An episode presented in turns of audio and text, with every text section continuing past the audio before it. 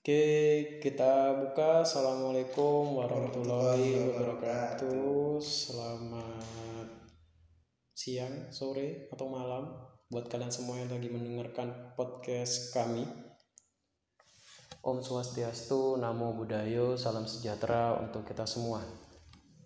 Oke, kita kali ini mau membahas tentang tanda-tanda makhluk gaib hadir di sekitar kita. Oke, tanda-tanda makhluk gaib hadir di sekitar kita. Menurut pengalaman kami sendiri atau menurut versi kami sendiri. Oke, mungkin bisa langsung saya yang buka. Kalau untuk tanda-tandanya sendiri sih, karena saya yang paling sering merasakan pertanda kehadiran mereka. Salah satu tanda yang biasanya mereka berikan itu pertama biasanya berupa bau-bauan. Bau-bauan tertentu. Jadi bukan hanya berupa mitos atau berupa hayalan atau halusinasi atau apa pun itu. Karena yang saya rasakan ini memang real. Beberapa kali saya langsung bisa melihat sosok mereka ketika bau mereka itu muncul juga. Jadi baunya dulu yang muncul terus baru sosoknya. Hmm yang paling sering yang paling sering sih yang paling sering saya rasakan dan cium baunya itu kurang lebih baunya tuh seperti ini kalau kalian suka dengan singkong oke okay, singkong ataupun kentang yang direbus jadi ketika ketika kentang ataupun singkong tersebut baru direbus lagi panas-panasnya nih ah. terus pas kalian buka itu dandang ataupun panci ataupun apa langsung keluar asapnya dan tercium tuh aromanya itu menandakan ada makhluk goib di sekitar kita. Kecuali tetangga kalian memang lagi bikin kentang rebus. kentang rebus atau singkong rebus. Nah, kecuali itu. Atau kalian sendiri lagi bikin seperti itu. Ini beda. Jadi ketika bau tersebut muncul biasanya makhluk goib yang muncul juga atau yang mengikuti itu mungkin kita sebenarnya kita mengenalnya sih dengan nama gendruwo. Hmm. Jadi menurut saya versi saya sendiri gendruwo sendiri dari baunya itu ada beberapa. Yang pertama singkong ataupun kentang rebus. Ini biasanya gendruwonya ini kalau baunya seperti ini gendruwonya untuk skala bentuk ya besarnya atau apanya ini menurut saya ya ukurannya tuh masih medium lah standar lah. Standar lah nggak gede-gede amat gitu tuh. Powernya pun itu nggak kenceng-kenceng amat lah. Nggak kuat-kuat nggak kuat bukan mau meremehkan ya tapi yang saya rasa tuh seperti itu. Karena saya kan sudah cerita nih di podcast awal bahwasanya kalau saya kedatangan makhluk gaib biasanya tubuh saya pasti merespon. Gitu. Jadi saya rasanya seperti itu Terus bau-bauan selanjutnya yang menandakan ada genderuwo sedang ada di sekitar kita selain bau singkong dan kentang, biasanya yang kedua itu tetap sama singkong, tapi singkongnya ini yang dibakar. Beda ya? Beda, beda. Baunya ini singkong bakar. Singkong bakar baunya biasanya si si genderuwonya ini powernya maupun ukurannya jauh lebih besar daripada yang di awal tadi yang saya ceritakan. Jadi lebih gede bom biasanya bom jadi ya kroso santer ngono rasane. Iki kok gede-gede ngono ya. Untuk wujudnya sendiri pun kurang lebih masih sama masih hitam tinggi berbulu bertaring kadang mata merah ngono. Ya. terus yang ketiga ini yang biasanya yang paling kekuatannya menurut saya ya menurut saya itu yang paling kuat. Dia ini baunya seperti kambing. Jadi kayak wedus bung. Kayak mbek. bau kambing hidup? Iyo iyo kambing hidup. Lek kambing guling beda nih jadi kayak kambing bau kambing gitulah. Ah. kalau kalian nggak tahu bau kambing nanti cari kambing cium sendiri. Cium kambingnya. Jangan dicium kambingnya cium baunya kambingnya. Jadi bau kambing yang masih hidup bukan daging kambing ya tapi ah. tapi kambingnya itu. Ya, ya, ya. jadi baunya itu apak-apak pesing gimana gitu. Ah. tuh ya. Tiba-tiba untuk baunya sendiri apakah lama gitu? Enggak biasanya hanya sekilas langsung sereng gitu. Langsung hmm, bau apa ini? gitu tuh Biasanya mereka kalau memang benar-benar ingin menunjukkan eksistensinya mereka, baunya itu bisa beberapa kali lewat. Oh, bisa nggak cuma sekali? Bisa nggak cuma sekali, gitu. Baunya agak lama gitu. Oh, ini bau apa? Terus tiba-tiba langsung hilang. Habis itu muncul lagi. bisa nanti muncul lagi gitu tuh. Oh. Jadi kalau yang bau kambing ini dia itu jauh lebih besar, lebih powerful. Nih ya, dari kacamata yang saya lihat, dari sudut pandang yang saya lihat, karena saya sering berinteraksi dengan makhluk ini. sering berinteraksi di makhluk ini, terutama di mana? Terutama nih ya, di kos-kosan cewek di kos-kosan cewek. Timbul pertanyaan pasti ngapain Reza ke kosan cewek? Ya, ngapain? Biasa main dom. Enggak, jadi karena dulu teman saya juga ada yang cewek ya teman saya nggak cowok semua ada yang cewek juga kalau kita lagi ngerja kelompok bareng-bareng nggak cuma berdua banyak cowoknya banyak juga ya itu biasanya saya langsung bisa mencium bau ini bau ini dan biasanya teman saya tuh sudah tanya dulu kok aku mambu iki yo Nah. Bau dari salah dari salah satu dari ketiga yang tadi saya sudah sebutkan. Saya langsung ngasih tahu, iyo biasa kosan cewek biasanya ono gendruwo nih. Karena kenapa? Karena gendruwo itu suka sama wanita pasti. Birahinya tuh tinggi banget. Nafsunya tuh tinggi banget gendruwo. Jadi, pernah iya. iya iya pernah pernah aku mocon neng neng anu salah satu tabloid goib ngono bom yo ono ibu-ibu Nah, ibu-ibu ini dia ini digangguin atau bahkan mohon maaf digauli. Uh, digauli Siapa sama gendruwo. Gendruwo ini bisa mewujudkan dirinya sebagai si suami. Oh. Jadi kok si, si bojo nih. Jadi pas ketika si istri kedatangan, kok wes balik mas? Iyo, aku kangen kowe. Bahasanya kayak ngono lah aku kangen sama kamu terus mereka melakukan hubungan suami istri halal ya itu ya, ya. kemudian si istri ini merasakan perbedaannya katanya merasakan perbedaannya. Ini mungkin sedikit vulgar ya. Katanya performanya jauh lebih kuat terus dan lain-lain lebih enak lebih mantap da, ya, dan, dan itu. itulah. ya, ya dan gitu. Dan gitu. Tapi si tubuh suaminya itu baunya aneh. Nggak bau keringatnya suaminya biasa. Kayaknya kan kalau seorang apa suami kalau suami istri gitu hafal, hafal, hafal baunya, hafal baunya, hafal aroma tubuhnya. Ah. Kok aroma tubuhnya bau apek-apek pesing gitu. Pas si perempuan ini tanya gitu, Mas dari mana? Kok baunya nggak enak? Nah, si gendruwo yang menyamar jadi suaminya ini bilang biasa balik kerja ya wes aku tak metu aku mau keluar dulu mau beli rokok setelah melakukan hubungan suami istri hmm Seret dia keluar, nggak berselang beberapa lama, dapat beberapa jam, suami yang asli datang dengan muka capek, lesu gitu tuh. Dek, eh, loh mas, jadi tuh rokok, kok nganu, eh, kok nggak kelambi kerja, kok nganu, kok ketone capek ngono loh. Iya, kok kita balik. Karena kok kita balik loh.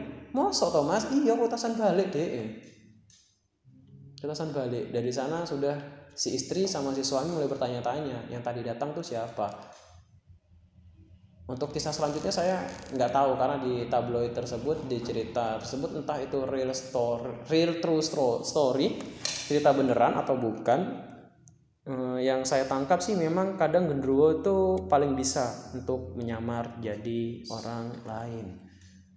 Itu sih bau kalau kalau aku sih bau bau genderuwo gitu. Mungkin bau bau lain mungkin bumbung. Uh, kalau bau bauan sih yang aku rasakan lebih ke bunga ya bunga atau menyan hmm. lah. Ada orang-orang uh, awam mengatakan bau menyan lebih seringnya bau bunga sih. Tiba-tiba lewat uh, rumah kosong atau lewat rumah kamar tiba-tiba sus bau.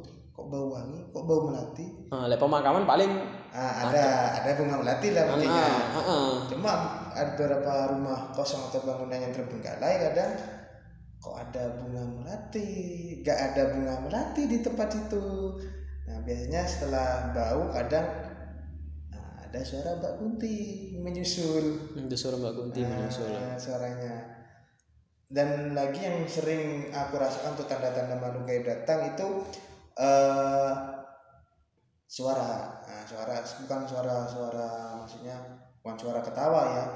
Uh, seperti ada uh, di rumah itu pernah kayak di atap genteng itu dilempar pasir. Lempar pasir ya? Uh, jadi ya nah, lempar pasir atau lempar batu kerikil. Tak. Nah. Hmm, terus kotak kotak kotak kotak gitu Nah, ya.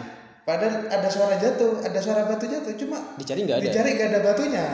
Dicari nggak ada batunya. Ah, cuma nggak ada batunya.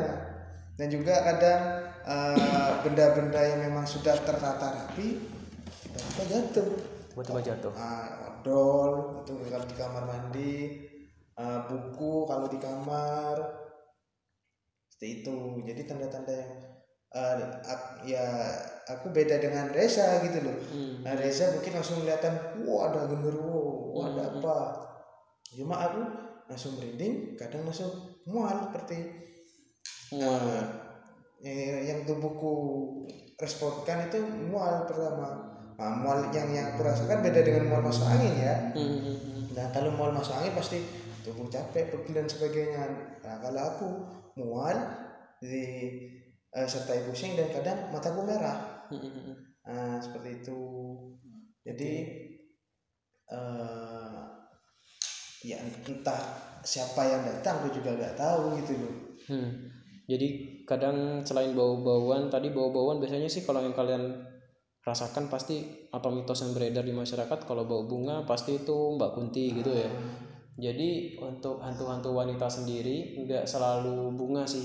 Bunga yang selalu tercium mungkin bau melati atau kenanga atau bunga kantil, Kamboja itu biasanya di makam-makam. Ya memang kebanyakan sih bau bunga-bunga seperti itu memang Mbak Kunti. Tapi apakah untuk hantu wanita lain baunya tetap bunga seperti itu? Enggak juga. Ya. Kadang kadang ya aku pernah merasakan melihat itu cuma sekilas dia hanya sekelebatan doang. Jadi baunya ini anyir. Bau darah dan sedikit ada bau bangkai yang menyengat. Bangkai bangkai bangkai apa pun. Kayak mentah bangkai tikus bangkai kodok pokok bangkai.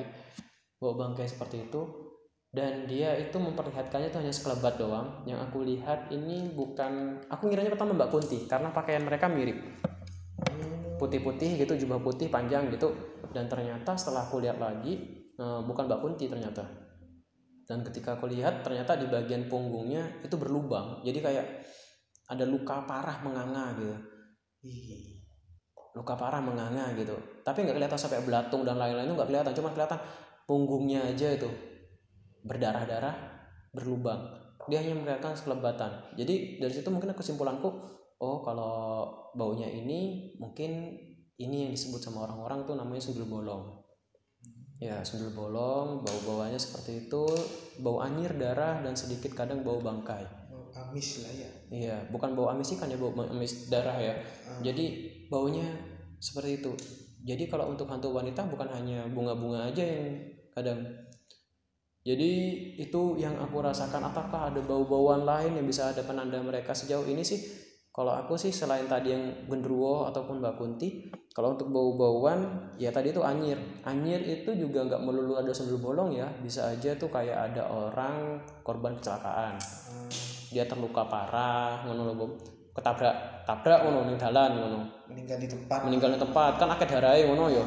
Pas murmur aku mambu ngono iso ae iku datang heeh minta bantuan ataupun kayak ngono. Jadi pas nggak melulu tentang sundul bolong terus pas tanda lain mang bumbung ngei suara-suara. Ini entah mitos ataupun fakta karena saya juga sedikit pernah beberapa kali sih mengalami tentang yang atap genting rumah dilempar seperti pasir. Jadi seperti genggaman pasir gitu tuh dilempar jadi kena genting langsung piar gitu. piar nah gitu loh. Bagi kalian yang pernah kalau ingin tahu rasa atau bunyinya pasir dilempar ke genteng nanti bisa dicoba sendiri. Itu seperti itu. Terus nanti biasanya diikuti dengan lemparan kerikil kecil-kecil. Tapi ketika dicari nggak ada. Ah, nggak ada batunya. Nah nggak ada batunya. Itu sih biasanya sosok yang mengganggu atau memberikan pertanda itu genderuwo oh, itu genderuwo itu biasanya dia memberikan tanda seperti itu ketika dia ada di sekitar rumah kamu atau di dekat kamu selain bau-bauan. Kalau di dekat kamu langsung pasti bau-bauan tapi kalau dia ada sekat antara kamu dan dia karena kamu dalam rumah dia di luar rumah jadi dia memberikan tandanya seperti itu. Lemparan batu kerikil atau pasir. pasir gitu. Itu sih itu genderuwo biasanya bom itu genderuwo. Terus kalau benda-benda jatuh dan lain-lain ah kalau benda-benda jatuh ini aku sendiri nggak bisa memastikan apa sosoknya apa sosok apa yang menjatuhkan karena nggak pernah lihat langsung si sosoknya. Karena ya seperti itu. Meskipun nanti suara atau benda jatuh atau bahkan kursi goyang gerak-gerak gitu sendiri kondisiku lagi fit-fit aja lagi 100% sehat walafiat gitu nggak lagi capek ya nggak akan kelihatan. Nggak akan kelihatan. Nggak akan tahu nggak akan kerasa itu. Yang respon ke badanku tuh nggak akan tebel gitu nggak akan kalau aku paksakan dan pengen tuh nggak akan. Jadi memang apa tubuhku reaksi yang ada di tubuhku ini nggak bisa langsung selalu nyala gitu. Jadi hidup mati hidup mati tanpa bisa dikontrol. Dan aku pun sendiri nggak punya pemikiran untuk bisa mengasahnya lebih dalam mengontrol itu enggak sih. Aku pengennya ya ya udah nggak ada apa adanya sekalipun itu bisa bantu ya pasti aku bantu. Kalau nggak bisa di luar kemampuanku ya udah di luar kemampuanku. Jadi itu tanda-tanda biasanya mereka hadir. Selain bau-bauan suara yang paling banyak sih yang paling gampang sih memang biasanya selain suara dan bau-bauan biasanya mereka bakal memperlihatkan sosok mereka meskipun hanya cuma sekelebatan. Kenapa kok cuma sekelebatan? Karena mereka itu cuma mau kasih tanda. Dan biasanya mereka itu makhluk halusnya ini masih belum bisa nangkep itu sinyal otak kita kita takutnya sama apa gitu. Jadi masih ya bayangan doang seret gitu. Terus kalau kita lihat bayangan gitu ya terus kita langsung mengasumsikan wah ada pocong ah nanti baru ketangkep otak kita sinyal otak kita terus ke mereka terus ketangkep. Oh ya orang ini takut pocong. Ya udah besok aku nggak akan lewat dengan wujud sekelebatan bayangan. doang. Tapi langsung pocong. Jadi langsung pocong. Jadi oh, seperti itu. ya jadi seperti itu buat semuanya. Itu sedikit banyak info dan pengalaman dari kita tentang dunia gaib ini. Ya tentang dunia gaib ini. Jadi buat kalian yang mungkin bisa merasakan tanda-tanda kehadiran mereka di sekitar kalian coba nanti pahami kenapa sih mereka mau ngasih pertanda ke kita? Ngapain sih mereka ngasih tanda? Nah, ngapain sih mereka gangguin kita? Biasanya mereka melakukan hal tersebut ada banyak alasan ya. Ah, banyak alasan. Alasan yang paling sering tuh ya mereka ingin berinteraksi dengan kita ingin berkomunikasi dengan kita karena ada sesuatu yang mengganjal di hati mereka. Mereka pengen curhat biasanya. Ah. pengen curhat aku pengen gini pengen gini. Pengen didengarkan pengen dianggap ada. Ya karena yang bisa merasakan yang tahu keberadaan mereka ya kalian. Iya. Terus bagaimana kalau kita semuanya nggak peka gitu ya mereka bakal ya udah ya cuek aja ya udahlah percuma lah manusianya nggak peka juga. Ah. ya udah nggak akan diganggu. Insya Allah tapi ya. Iya. kecuali memang dia memang jahil banget memang jahat banget itu bakal tetap mengganggu jadi kalau atau manusianya sempral iya. nah itu bisa. Iya. Jadi kalau kalian memang nggak punya tingkat kepekaan tertentu gitu tuh kalian manusia normal senormal normalnya ya udah mereka juga kesulitan mau interaksi sama kita karena beda energi. Hmm. gitu. Itu sih dari kita untuk hari ini. Kurang lebihnya mohon maaf. Kami tutup. Wassalamualaikum warahmatullahi wabarakatuh. om swastiastu namo buddhayo salam sejahtera untuk kita semua